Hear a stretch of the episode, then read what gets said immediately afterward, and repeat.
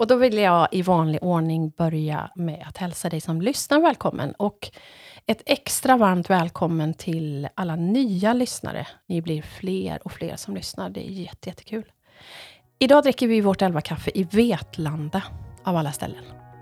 Hemma hos Annette Albinsson, va? Mm. Stämmer det? Stämmer. Det stämmer. Eh, mer känd som Flower Cake by Annette. Och som Elin sa, som jag var och spelade in Elva Kaffe hos här tidigare, hon sa eh, Flower Cake Queen, kallar hon det för. Mhm. Mm. Så det kan du... tackar man ju för. Ja, precis. Åh, ska du åka till Flower Cake Queen? Vad roligt! Hälsa henne så gott. Så jag ska hälsa från Elin Rantatalo. Rantatalo. Eh, Jag hade ju så svårt att uttala så, och nu kommer jag inte ihåg hur det var. Men i alla fall, Elin. Mm. Följer du henne? Ja, absolut. Ja, det gör absolut. Och hon vill ju också skicka ett litet tack, för hon berättade för mig att när hon kom hem från sjukhuset så hade du varit där med cupcakes till henne. Och det Mm. ville hon tacka för, att hon tyckte att det var så otroligt fint. Så hon, hon sa att jag vet ingenting om henne, så det ska bli så roligt att höra ert elva kaffe. Mm, vad roligt. Mm. Spännande. Så en liten hälsning från Elin. Tack Och Elin. det här blev ju väldigt spontant, måste jag säga. För egentligen så hade jag ju bara tänkt att beställa cupcakes av dig. Det har jag ju tänkt hur länge som helst. Och vi har ju haft lite kontakt sådär. Kom förbi och hämta, men jag har ju inte Mm. varit så mycket i Vetlanda. Mm. Och nu tänkte jag att när jag äntligen skulle träffa Elin, ja, men då ska jag svänga förbi henne. Då ska jag beställa cupcakes. Mm. Och så bara, nej men varför inte ha dricka elva kaffe med Annette också när jag ändå är i Vetlanda? Så det blev ju lite spontant. Mm. Så tack för att du sa ja. Mm. Jättetrevligt och läskigt. För då ska jag faktiskt läsa till hur du svarade mig. Det var så roligt tycker jag. Ehm, precis. Som svar på min poddfråga som jag ju ställde på DM då på Instagram. Åh, det vore ju roligt, men låter ju helt fruktansvärt livsfarligt. När jag pratar låter jag nämligen som Lena PH gånger hundra. Så innan vi går vidare så måste vi ju liksom reda ut det här nu då. Var i låg det livsfarliga? Var det att du låter som Lena PH som... Alltså att ni har samma... Vad heter det? Dialekt. Dialekt? Ja, småländska. Småländska. Ja, men det, det, det är väl kanske det att när jag hör småländska på radion eller tvn så, så tycker jag men ja, det låter ju precis som jag och det låter ju inte klokt. Ungefär så. Ja, så roligt. Men vad var det som gjorde att du ändå sa ja då? För vi sitter ju här nu. Mm. Ja, men alltså det är en utmaning. Jag gillar ju att göra nya saker. Ja. Så vill jag ju träffa dig. Jag Ja. har verkligen sett fram emot. Jätte, jätteroligt. Och jag gjorde ju ett undantag. Jag brukar vara ganska sträng på det annars. Att aldrig fika eller äta först innan man sitter liksom med mickarna. För att man har så mycket av samtalet i förväg. Och sen kommer man inte ihåg. Så eh, vi gjorde ju ett litet undantag nu då. Och vi har ätit fantastiskt god sushi till lunch. Innan vi började vårt lilla elva kaffe inspelning här. Och jag kom ju hit med tanken att åh, jag spelade in ett bara härligt avsnitt om eh, att starta eget företag och, och vi ska prata om hur du har kommit på den här idén med att baka cupcakes som eh, du gör på helt... Alltså vi har ju framför oss här nu, de är ju som små konstverk. Helt fantastiska. Men vi ska åter, återkomma till det. Det jag ville säga var att nu har vi pratat om så mycket spännande saker under vår lunch att vem vet vad det här samtalet kommer sluta? Det har vi ingen aning om. Mm. Eller Ja, det är spännande. Det Ja, kan, det är spännande. kan hända precis vad Det som kan hända helst. precis vad som helst. Och vi ska också tala om för er som lyssnar att, att Annette väntar på ett väldigt speciellt telefonsamtal. Berätta. Mm. Eh, Jag ska nämligen bli farmor för tredje gången idag. och Jag vet att min son och hans fru är på förlossningen nu. Åh, Så det är lite pirrigt. det är väldigt pirrigt. Mm. Så om det ringer här nu, då svarar du. Mm. Absolut. Så får vi alla vara med och höra vad det blev. blir det livesändning. Men jag kan ju börja med, bara för att börja någonstans. ehm, hur har den här dagen börjat för dig? Ja, den har ju börjat bra. Lite ovanligt då, för jag var ju uppe tidigare än jag brukade då, eftersom jag skulle åka och hämta pojkarna. Eller åka till dem, de bor lite utanför stan i Ekenässjön. Ah, Okej, och det är Så- brorsorna till bebisen som Ja, väntas nu precis. då? Mm. precis. De hade en tid i Eksjö då. Så att, eh, då skulle jag åka dit och ta hand om, om Knut och Finn. Hur gamla är de? De, är, de fyller sex och två nu i höst. Oh. Vad tycker de om att bli stora storebröder? Ja, de är nog jättestolta. Oh. Finn pratar mycket om det. Glada, så de var väldigt spända idag. Oh. Så nu så kom ju mannen hem från jobbet och kunde ta hand om dem. Då fick lite. han åka ja. dit istället? Ja. ja. För du var upptagen med podd ju. Ja. Har du annars liksom en, hur ser en vanlig morgon ut för dig? Har du några särskilda morgonrutiner eller något du alltid gör? Eller? Ja, det är väl att jag eh, sätter på kaffe. Bra morgonrutin. Ja, absolut. Jag klarar mig inte utan kaffe med havremjölk. har jag lagt mig till med för jag tycker det är så gott med havremjölk i det som grädde nästan.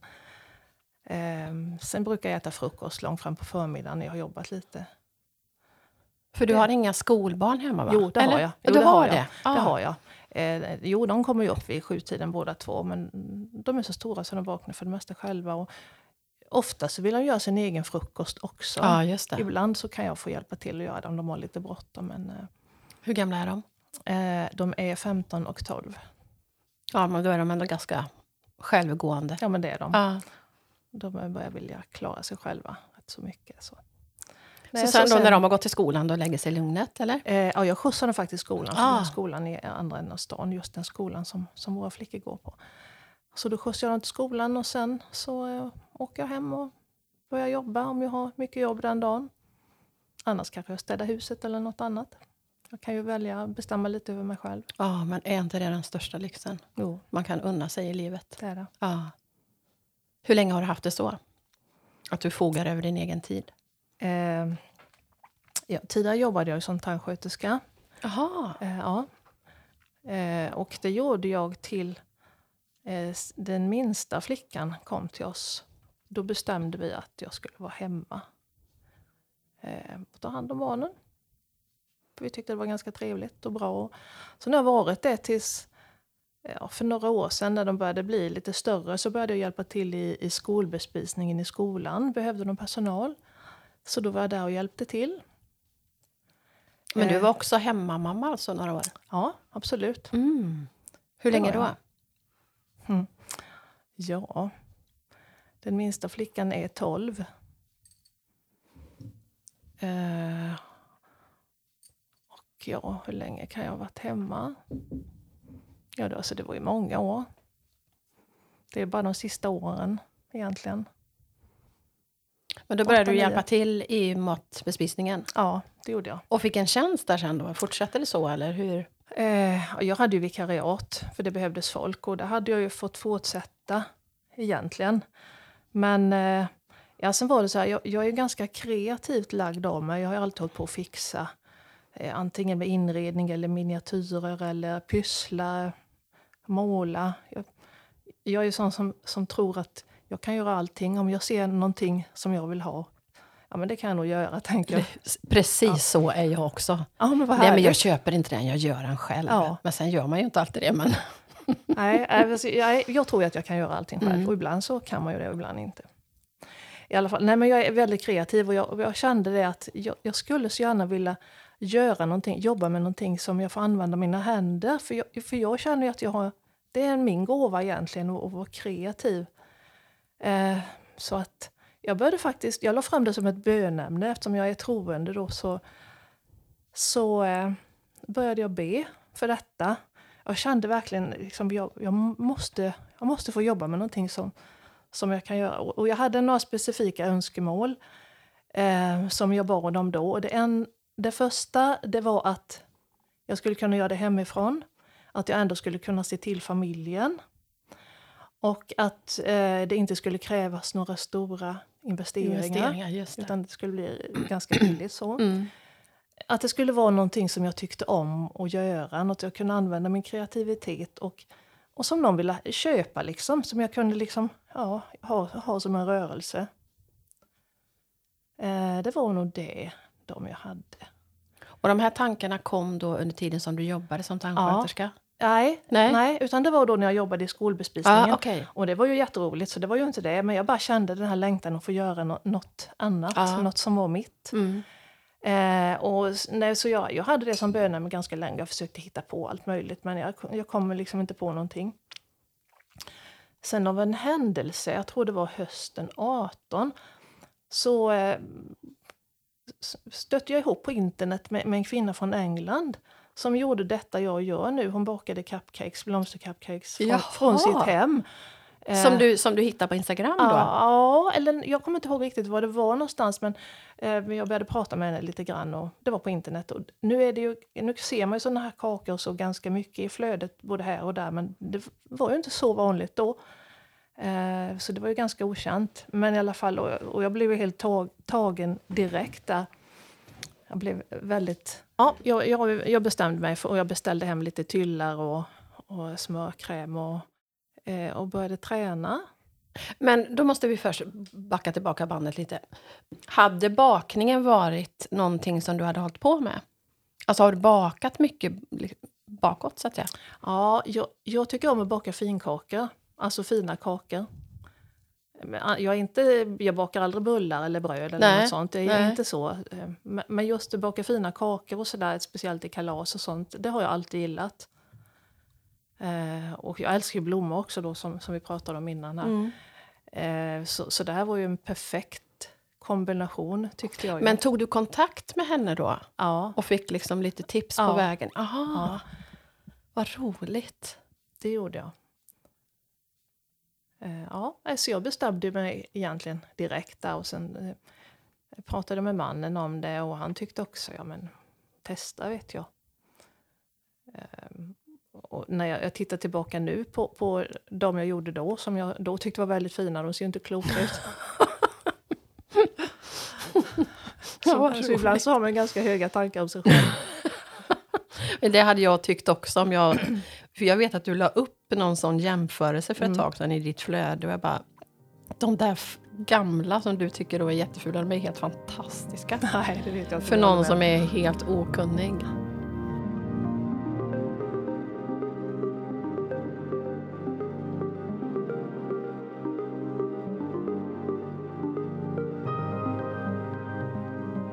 Men då började du hemma, alltså samtidigt som du hade kvar ditt jobb på skolan? Eller? Ja, ja, Mm. men det gjorde jag.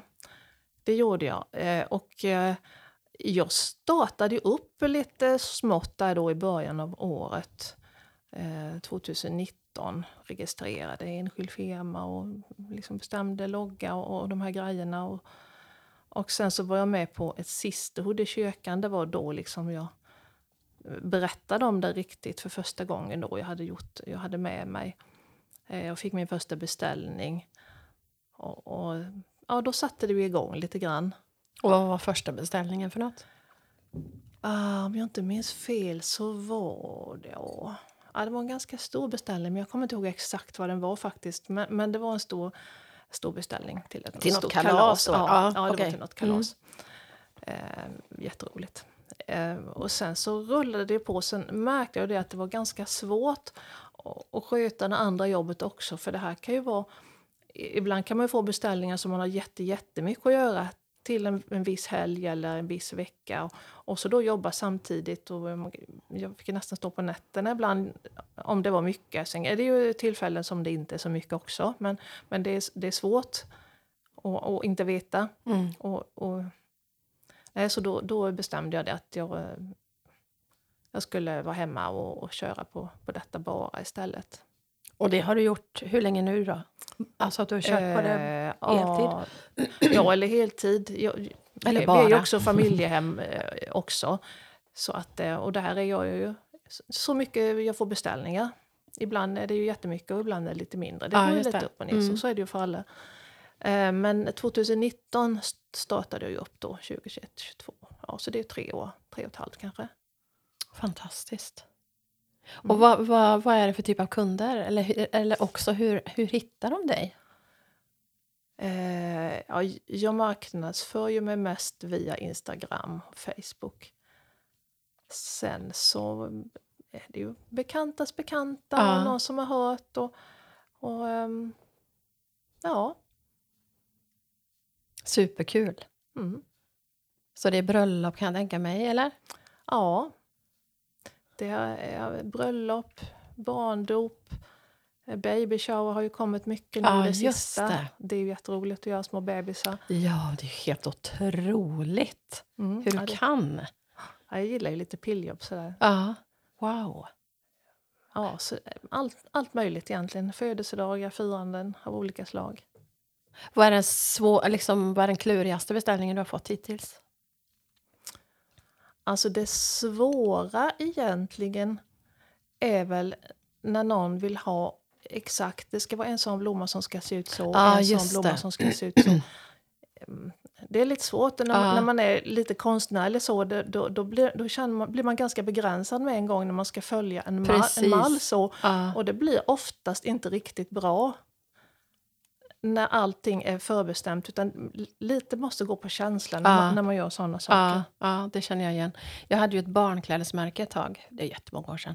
Jag eh, sydde barnkläder på beställning. Jaha, Och då var det väldigt poppis att ha såna här hempartyn. ja. Och då vet jag att då sydde jag ju upp prototyper och så sen så kunde man beställa i olika storlekar. Jag vill ha en sån i storlek D och en sån Mm. i storlek D.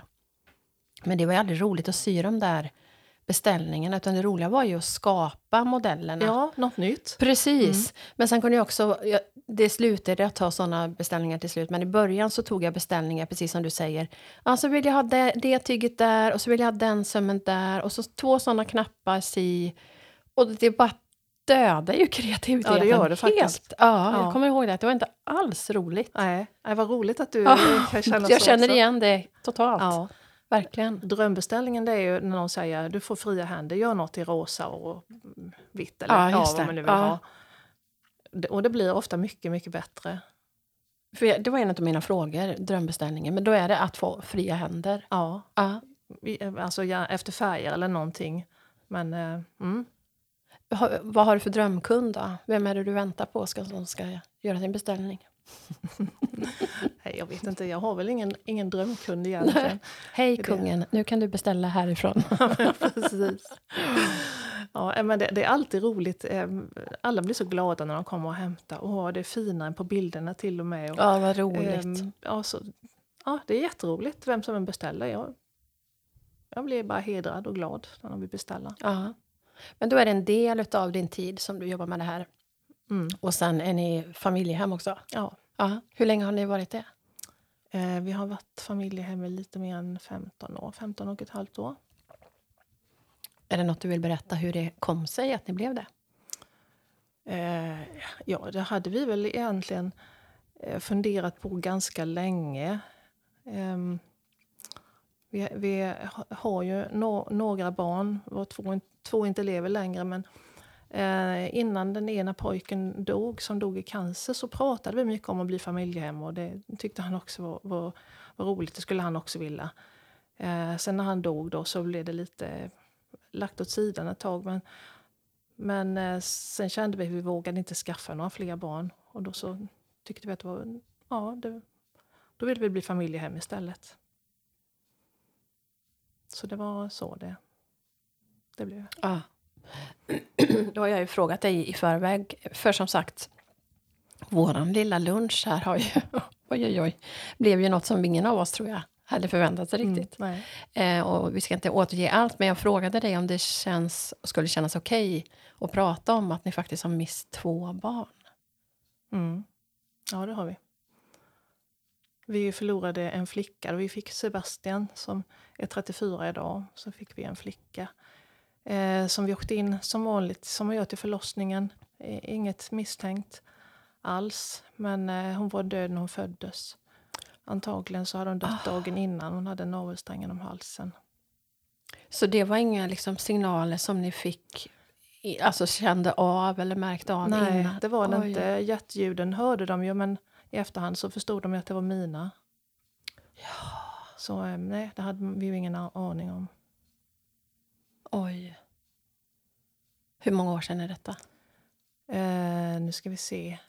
Ja, 90 var det.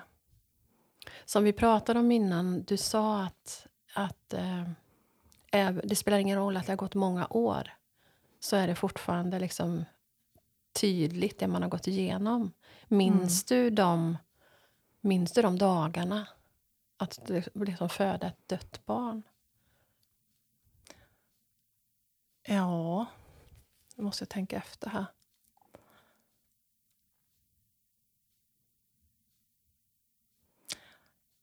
Ja, alltså jag, jag kommer ihåg att det var chockartat.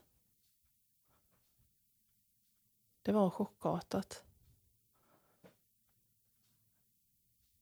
Jag vet inte riktigt vad, vad jag ska säga för Nej. någonting. Jag, jag tänkte nog man, vill åka hem och försöka på något sätt vara som vanligt. Försöker man nog med till att börja med, men det går ju inte. Nej. Hur gammal var Sebastian då? Eh, han var två. Så då hade ni ändå full rulle med honom kan jag tänka mig. Mm. Ja, men det hade vi ju. Det hade vi ju.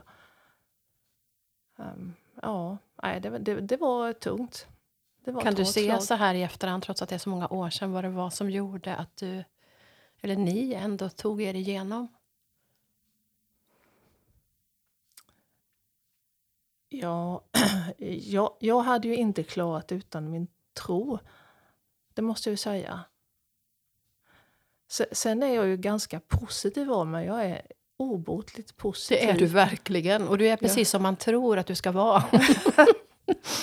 För vi har ju aldrig träffats förut. Nej, Men nej, du är verkligen den solstråle som man tror när man ser det på Instagram. Ja, jag kan väl vara deppig också, men det är Ja, inte särskilt ofta. Men, men, eh, nej, Du har en jag, positiv liksom, grundinställning. Ja, jag har svårt att se saker negativt och det kan väl vara lite jobbigt kanske för andra i familjen ibland som eh, när de tycker någonting är jobbigt. Så jag ser alltid det positiva i allting. Men eh, jag är sån. Jag, jag älskar livet. Jag är så tacksam för livet som, som man har fått. För någon som inte tror så kanske det är så att de tänker att man blir så arg på Gud. Ja, du, kan, du finns ju inte eftersom du tar mitt barn ifrån mig. Skulle man kunna tänka. Ja. Tänkte du så någon gång? Nej, jag har faktiskt aldrig tänkt så. Ehm, och jag... Jag måste bara tänka lite på det, Mm. för jag, jag funderade på det innan. Nej, men alltså, jag, det kanske är därför som jag ändå har klarat mig ganska bra. Jag har valt att aldrig, jag, aldrig ifrågasätta, aldrig vara bitter på Gud. Det, det valde jag nästan direkt. Att... Eh, Och hur, hur lång tid tog det sen innan ni blev gravida igen? Eh, ja, Jonathan föddes, föddes året efter, 91 då. Så det gick ju inte så där jättelång tid. Nej. Och det var ju många eh, som sa inom vården, ja men ni måste vänta och sörja färdigt. Och det måste gå lång tid. Vi bara kände det, det vi känner ju oss själva bäst. ja. Så, eh, mm. Men hur var den graviditeten då? Var Ja, du rädd då? Ja, det var jag. Och vi var ju också på jättemycket kontroller. Eh, Så det, det, var, ja, det var lite oroligt, Mm. men eh, det, det gick ju ändå gick bra. Så föddes ju lilla Jonathan. Mm. Och som sagt, som vi pratade om innan här och som ändå är lite grann utav min devis och min, min, eh, vad ska jag säga, min vilja med hela elva kaffe-grejen och podden är ju att varje människas livsberättelse är värd att berätta och att vi det som vi konstaterade innan du och jag, att vad lite man vet om varandra. Man följer varandra på Instagram och ser valda delar. Ditt Instagramkonto är ju av naturliga skäl fyllt med fantastiska cupcakes. Och så sätter vi oss och äter lunch och pratar och så, så, så öppnar sig en helt, en helt annan värld och man förstår oj, vad lite man vet om varandra. Mm. Och då berättade du ganska snabbt om Jonathan. Eh, hur gammal var han när han dog? Han var 11. Och hur gammal var han när, när ni upptäckte cancern? Han, han var sju när han blev sjuk. Då hade han, eh, jag tror han var förkyld. Eh, troligen lunginflammation, så vi var och skulle röntga honom. Eh, och då tog läkaren in mig på kontoret. Po- pojkarna med, tror jag. jag tror de var med båda två. Och sa att han har en tumör i ryggraden, stor som en tennisboll. Oj. Ehm, ja, ja, det var en jättechock. Men eh, den kan ju vara godartad som det ser man ju inte, men den ser väldigt väl inkapslad ut. Så det hoppades man ju på. Ja, jag kommer ihåg att jag tog med pojkarna ut i kapprummet, men sen så vände jag och bad dem stanna där och gick in till läkaren igen och knackade på.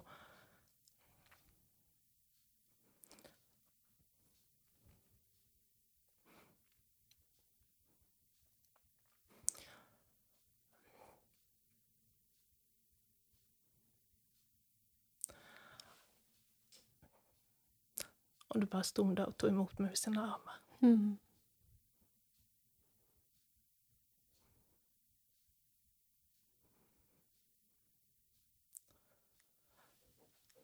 Så nu fick jag en kram. Vi stod och kramades lite. Hon hade ett ovanligt namn, det glömmer jag aldrig. Sen så blev det ganska snabbt till Göteborg, till barnonkologen. Eh, det var ju allvarligt, så det blev ju operation. Vi, vi fick veta att det var neuroblastom. En eh, ganska allvarlig cancerform. Eh, jag fick veta att det kändes som att få ett knytnävslag rakt in i magen och sen varm lava rinnande ner från huvudet. Mm. Vilken bra bild. Ja, det är precis känslan. Det glömmer man aldrig. Nej. Hur mycket av alltihop förstod Jonathan själv? Ja, det är svårt att säga. Jag, jag tror att barn förstår mer än, än vad man tror egentligen. Mm. Sen pratade vi ju aldrig i de termerna att, att han skulle dö Nej. eller att han inte skulle klara sig. För det, det enda man tänker och, och, och pratar om det är förstås att han ska överleva. Ja. Så det fanns ju inte på kartan att han skulle dö. Men ändå, när vi åkte hem från första behandlingen så satt jag redan och planerade dödsannonsen och den skulle ut i tidningen för säkerhets skull. Ah.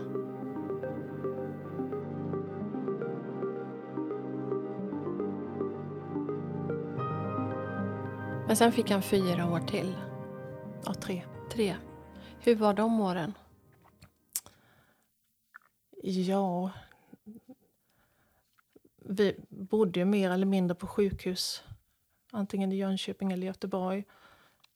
Fram och tillbaka. Vi har firat alla kalas och födelsedagar och högtider som tänkas kan på sjukhus. Ofta isolerade. Mm. Benmärgstransplantation och släkten har kommit och hälsat på ibland. Och... Men samtidigt, det, det är ju stunder som man hade gett vad som helst för att få tillbaka ja, egentligen. Ja.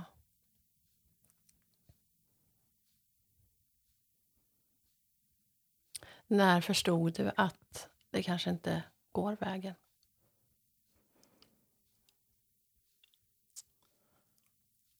Alltså, egentligen inte för att han, förrän han hade gått bort. Jag har ju den här obotliga tron. Um, och jag vet ju att Gud kan göra ett mirakel. Och jag trodde på ett mirakel in i det sista. Mm. Det gjorde jag faktiskt. Mm. Men eh, det blev inte så. Det är ju, och den, den frasen hör du säkert ofta, att det är ju varje förälders fasa att förlora sitt barn. Och då har ni förlorat två. Mm. Hur är det möjligt att du sitter här idag? Och fortsätter vara så glad och levnads... Du är verkligen hungrig på livet, upptäcker mm. eller upplever jag det som. Mm. Mm. Ja, men det, alltså, jag älskar ju livet. Det gör jag. Det är inga små frågor jag ställer, så jag Nej. förstår att det inte är Nej. så lätt. Och i vanlig ordning har du inte fått de här frågorna för hand. Och särskilt inte nu eftersom jag inte hade en aning om vem är jag möter. Nej, nej. Och, men, men, folk frågar ju det, och speciellt då ett tag då när det hade hänt. Hur, ja. hur klarar ni er och överlever ni detta? Mm. Men man har ju inget val. Nej, vad har man för val? Man har inget val. Nej. Man, man kan bara leva och, och göra så gott man kan. Mm. Men delade du och din man tron då, så att ni kunde mötas där? Um, min man blev ju kristen precis innan Jonathan dog egentligen. Ehm, när, när det var som mörkast. Så sen efter det har vi ju delat tron. Så det hade med Jonathan att göra egentligen? Att han kunde Ja. liksom öppna upp sig för Ja, Gud? det, det kanske man skulle kunna säga. Och där delar vi säkert den tron, både du och jag, att, att den här, vad ska man säga, Guds längtan ligger nerlagt i oss. Nu måste du faktiskt läsa högt. Nu har du fått ett sms! Ja, nu har lilla pojken kommit. Allt har gått bra. Åh, grattis farmor! Ja, tack så mycket. Jag måste bara skicka iväg lite hjärtan Ja, men det är här. klart du ska göra. Men vad roligt. Tredje barnbarnet. Mm, Vad roligt. Grattis. jätteroligt. Ja, Ja. vad skönt. Nu behöver du inte undra mer. Nej, nu kan jag pusta ut lite. Och det, de hade gått över tiden lite, va? ja, var det en, så? en vecka. Ja. Mm. Härligt. Vad skönt. Ja, vad roligt. Så tre pojkar nu då. Mm, Nu blir det ännu mer liv i luckan framöver. mm. Mm. Härligt. Härligt. Men vi ska plocka upp tråden. Eh, var var vi någonstans? Jo, att det är ju inte sällan man hör det när människor hamnar i... Jag menar, livet slår emot oss alla på ett eller annat sätt. Och det är inte sällan man hör att det är just då som man kastar sig på Gud. Även om man inte haft någon tro innan. Mm. Var det det som hände, tror du? Med, med Med man? din man? Ja, kanske. Mm. Kanske var det så. Och, och vi, det måste jag säga att vi har ju känt att vi har ju blivit böner, böner och förböner egentligen under hela den här tiden. Du menar att andra har bett Att för andra er? bett för oss, ja. Mm. ja. Hur, hur finns, hur finns eh, era barn med er idag? De som inte finns på jorden. Det har ändå gått ganska många år. Mm. Hur många år? Ja, 20 är det väl. Ja. Eh, ja. Och, och jag tänkte på, på det ibland för folk eh, säger om, om man kommer över sorgen eller inte. Och man lär sig att leva med den, men kommer över vet jag inte om man kan säga. för Man älskar ju sina barn i livet. Alltså de som är i livet. och Mm, man älskar mm. sina barn som man har förlorat. Man älskar ju dem precis lika Ja, mycket. Ja. Ehm, de är ju inte, vad ska jag säga? De är en ju lika kära Ja. som de andra. Så menar, den sorgen finns, den går ju aldrig bort. Jag hörde när jag åkte ner eh, från Stockholm neråt för att spela in de här poddarna så lyssnade jag på en podd som heter Så in i själen med Agneta Sjödin. Mm. Och då hade hon en gäst som du säkert känner väl till, Thomas Sjödin. Mm. Fantastiskt avsnitt som jag verkligen rekommenderar. Och där pratar de just om sorg, för han har ju förlorat två söner Ja, också. ja. Eh, och han säger det att eh, för honom är det så stor skillnad på sorg och saknad.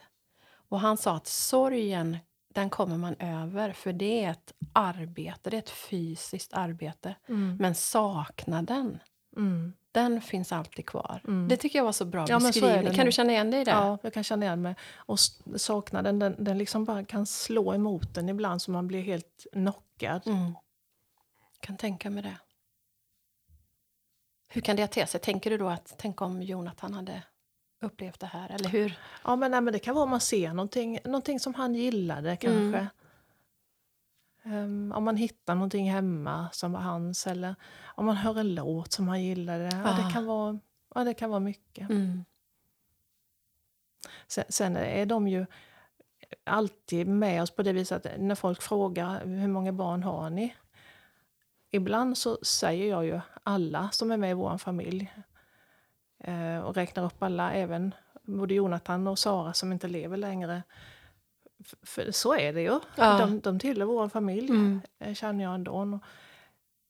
Mm, ibland så tar jag den smidiga vägen och säger Precis så sa Thomas också. okej. För han sa, den frågan får man ju, inte Mm. minst när man ska mingla och liksom Ja. kallprata. Har du barn? Ja. Hur många då? Och då sa han att då är det då bara ett mingel, en människa som jag aldrig mer kommer att träffa. då tar jag den enkla vägen. Mm. Ehm, och då sa han att... Eh, då sa han att... Jo, för då, då säger han alltid att han har tre barn. Eh, och då sa han att då är följdfrågan ofta hur gamla de är eller om någon av dem bor hemma. Och då säger han att alla tre är utflugna. Men han går inte in på då att två faktiskt har dött och en har flyttat hemifrån. Mm. Eh, för han sa att människor vill ju inte ha det i knät när man Nej. bara står och kallpratar. Nej. Men i andra sammanhang då så berättar han att ja, vi, vi har tre barn men vi har bara ett, en son i livet. Mm. Men då är det kanske alltså, en annan situation som man är i eller en annan Mm. person som frågar. Så jag kan, jag kan förstå det att man kanske inte vill dra hela. Nej, och det är, det är nog, oftast är det nog svårare för någon att ta emot att man säger det än, än vad det är för mig att säga det. Ja, just det. Just det. Det är också någonting, tycker jag, som, som blir tydligt när man mister någon. Jag miste min pappa för några år sedan. Och just det här att man ska bemöta... Det är en, so en sak med min egen sorg. Men att möta andras sorg. Alltså, när jag berättade då att pappa hade dött i cancer och, och så Mm. så är det ju svårare att, ta, att bemöta människors känslor i det. För man, är så, man har så fullt upp med sin egen. Mm. Känner du igen dig i det? Ja, just då känner jag nog- det. Men, men nu, numera så känner jag nog att jag har nog lättare för att prata med folk som har sorg, eller om sorg. Ja, För, jag, för man vet precis hur, Ja. hur jobbigt det är. Ja, Jag, jag, ehm, vi, jag byter inte sida på gatan när det kommer någon som har liksom förlorat någon. Eller, jag, jag, jag fejsar det alltid faktiskt, för jag vet hur jobbigt det är när någon inte säger någonting. Ja. Och det förstår jag ju fullt att, att eh, många tycker det är jobbigt och inte kan. Det har jag helt förståelse för. Hur bemöter du någon då? För det tror jag är ett väldigt vanligt... Alltså att man tycker att det är så svårt, man vet inte vad man ska säga. Och så, så, så blir det att man byter sida på gatan eller Mm, inte säger mm. någonting. Nej, nej. Nej, alltså vad säger man? Nej. Det finns inte så mycket att säga. Nej. Eh, Det räcker nästan att säga det. Vad säger man? Ja. Jag känner med dig. Ja,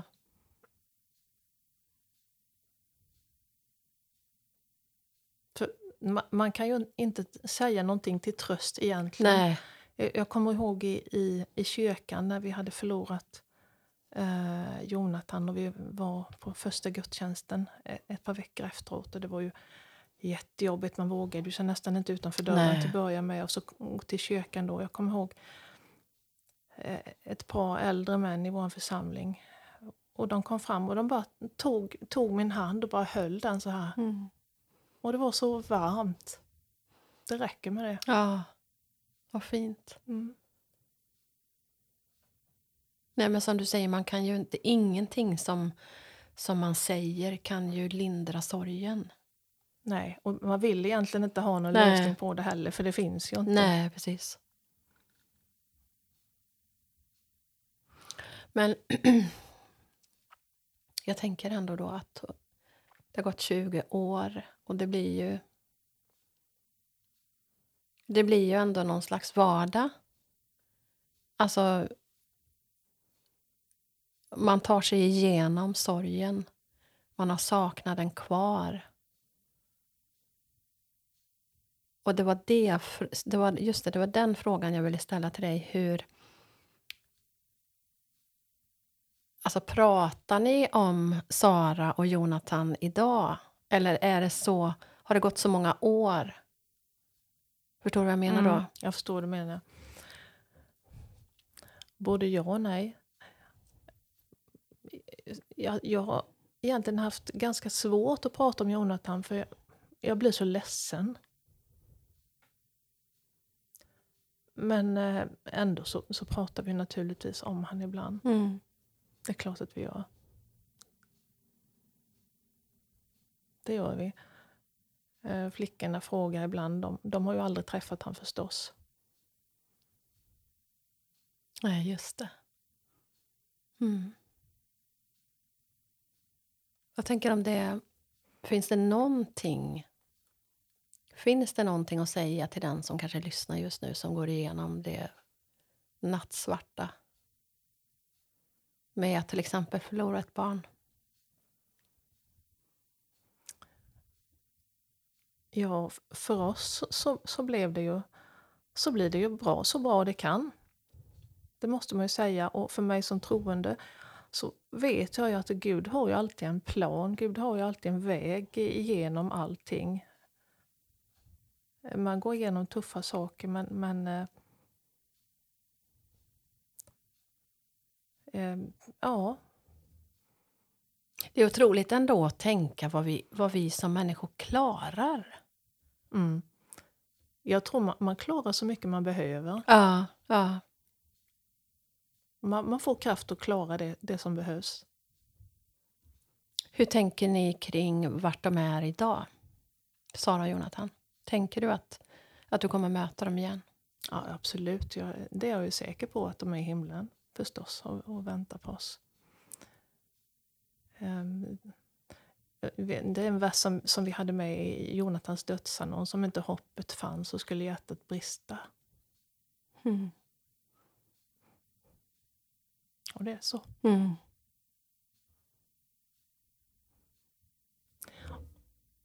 Och jag, jag, är så glad att jag har det hoppet, för jag tycker samtidigt synd om de som inte har det. Det måste vara jättejobbigt att förlora någon och inte ha det hoppet att få mötas igen. För jag tänkte fråga dig, eller tänkte, hur mycket tror du att det har hjälpt dig och er igenom just sorgen? Ja, jättemycket. Jättemycket.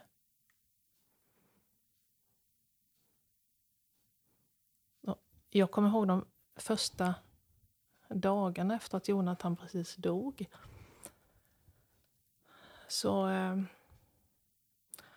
så, så bad jag jag, ville bara, jag visste ju att Jonathan var i himlen, men jag ville veta att han hade det bra. Jag ville ha ett tecken på att han hade roligt. Eh, så, så kände jag. Jag, jag ville, liksom, ja. jag ville se det. Eh, och så, så, kom jag ner första morgonen och ställde mig i köket. Du såg vårt köksfönster ja. mm. mot skogen där.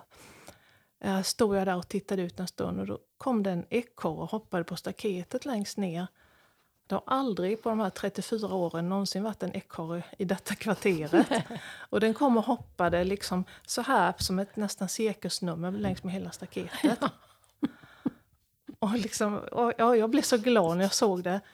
Och sen morgonen efter, samma sak, kom jag ner själv och stod i köket och tittade ut där. Och, och, och då så satt en vit kanin och en rödrandig katt tätt tillsammans precis nedanför fönstret och tittade på mig. Också jätteovanligt och konstigt. Men wow.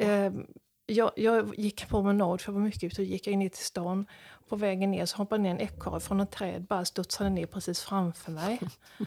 Och, och så jag fortsatte och det sprang ut en hare från, från en, ett annat hus nere i stan.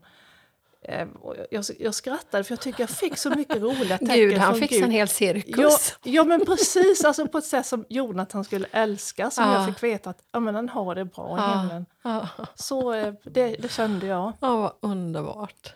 Underbart.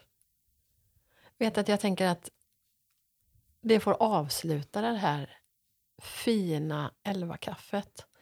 Eh, tack, Annette, för det du har delat. Tack för att du sa ja fast du tyckte att det var så läskigt. Hur känns det nu? Jag vet inte, jag har inte hört på. Nej, precis. Ja, men tack så jättemycket. Tack för att du delade. Ska vi fortsätta fika här. Så jag säger hej då till dig som lyssnar. Hej då!